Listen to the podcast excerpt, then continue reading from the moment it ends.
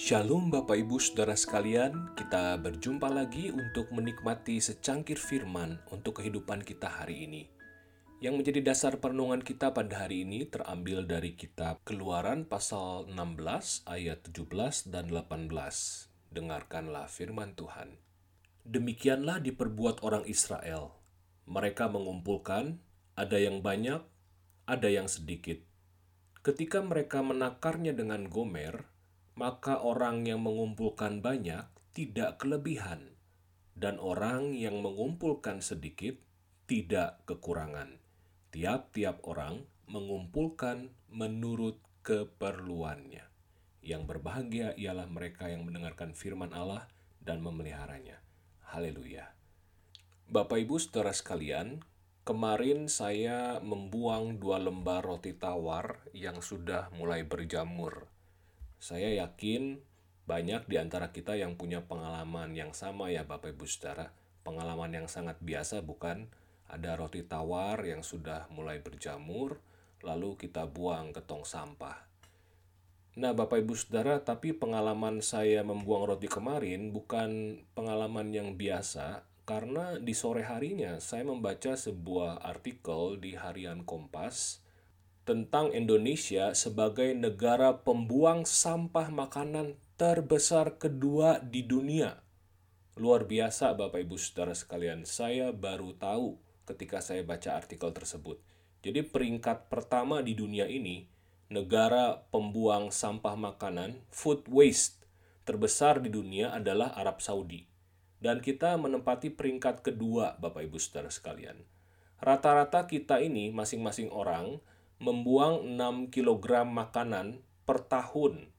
Itu artinya kalau di total seluruh warga Indonesia, masyarakat Indonesia itu sekitar 1,6 juta ton makanan per tahun ini berdasarkan laporan Economist Intelligence Unit pada tahun 2018. Badan Ketahanan Pangan sendiri meneliti pada tahun 2019 di Jabodetabek, total makanan yang dibuang di skala rumah tangga, jadi ini masing-masing keluarga ya Bapak Ibu Saudara, di skala rumah tangga, keluarga, itu sampah makanan itu 113 kg per tahun, atau kira-kira per orang itu 28 kg per tahun. Ini angka yang luar biasa besar Bapak Ibu Saudara. Apalagi ketika realitas ini kita sandingkan dengan indeks kelaparan global Indonesia pada tahun 2020. Global Hunger Index Indonesia itu menempati peringkat ke-70 di dunia dengan indeks 20,1. 20,1 itu masuk kategori yang serius Bapak Ibu Saudara. Jadi kita punya masalah kelaparan yang serius di Indonesia. Di Asia Tenggara, kita itu urutan ketiga dari bawah, hanya lebih baik dari Myanmar dan Laos. Peringkat pertamanya Malaysia, nomor dua Thailand, nomor tiga Vietnam. Kita ketiga paling bontot Bapak Ibu Saudara sekalian. Dan tentunya pandemi COVID ini memperparah situasi ini. Ketika ada petani-petani yang terpapar COVID-19, belum lagi meninggal, tentunya produksi pangan dalam negeri pun akan menurun Itulah sebabnya sejak sekitar bulan Juni yang lalu, Kementerian Pertanian itu menyerukan gerakan ketahanan pangan. Karena memang pandemi COVID-19 ini bisa mengakibatkan krisis pangan Bapak Ibu Saudara sekalian. Kalau Bapak Ibu Saudara mengikuti pemberitaan media massa, Thailand dan Vietnam itu yang terkenal dengan ekspor beras itu mengurangi nilai ekspor beras mereka secara sangat signifikan.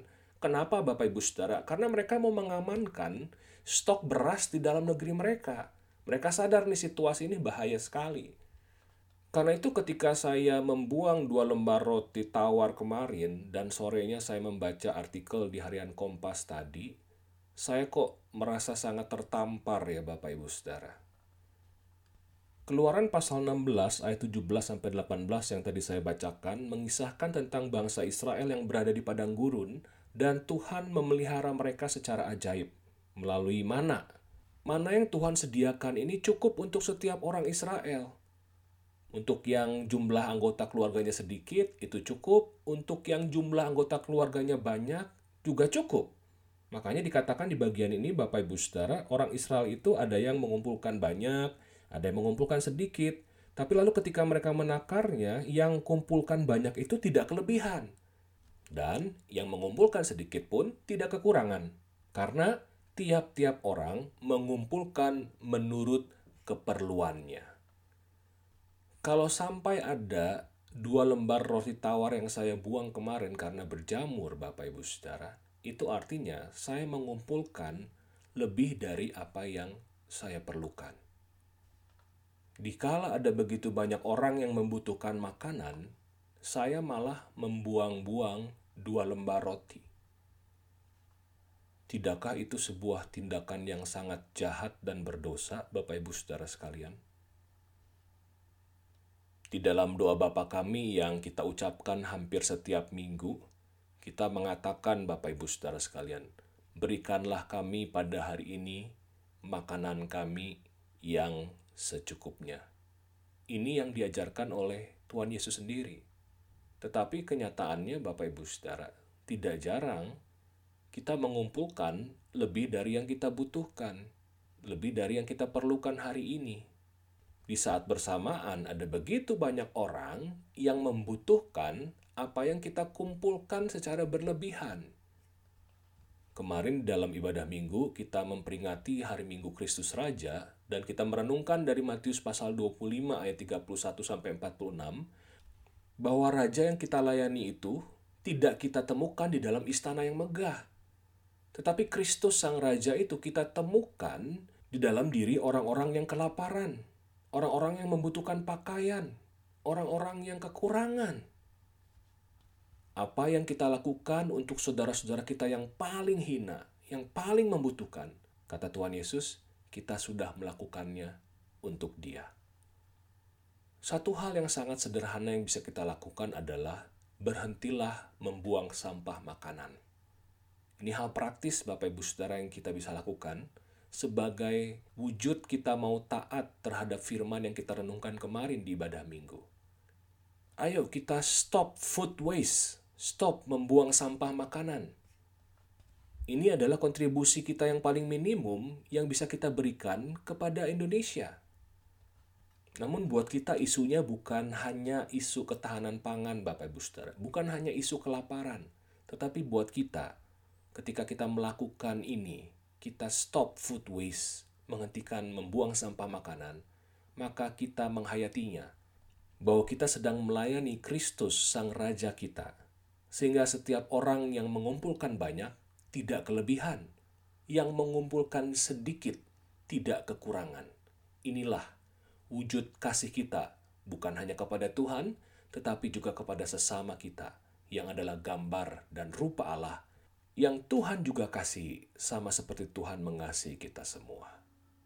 Mari stop food waste. Berhentilah membuang sampah makanan. Kiranya Tuhan menolong kita semua. Amin.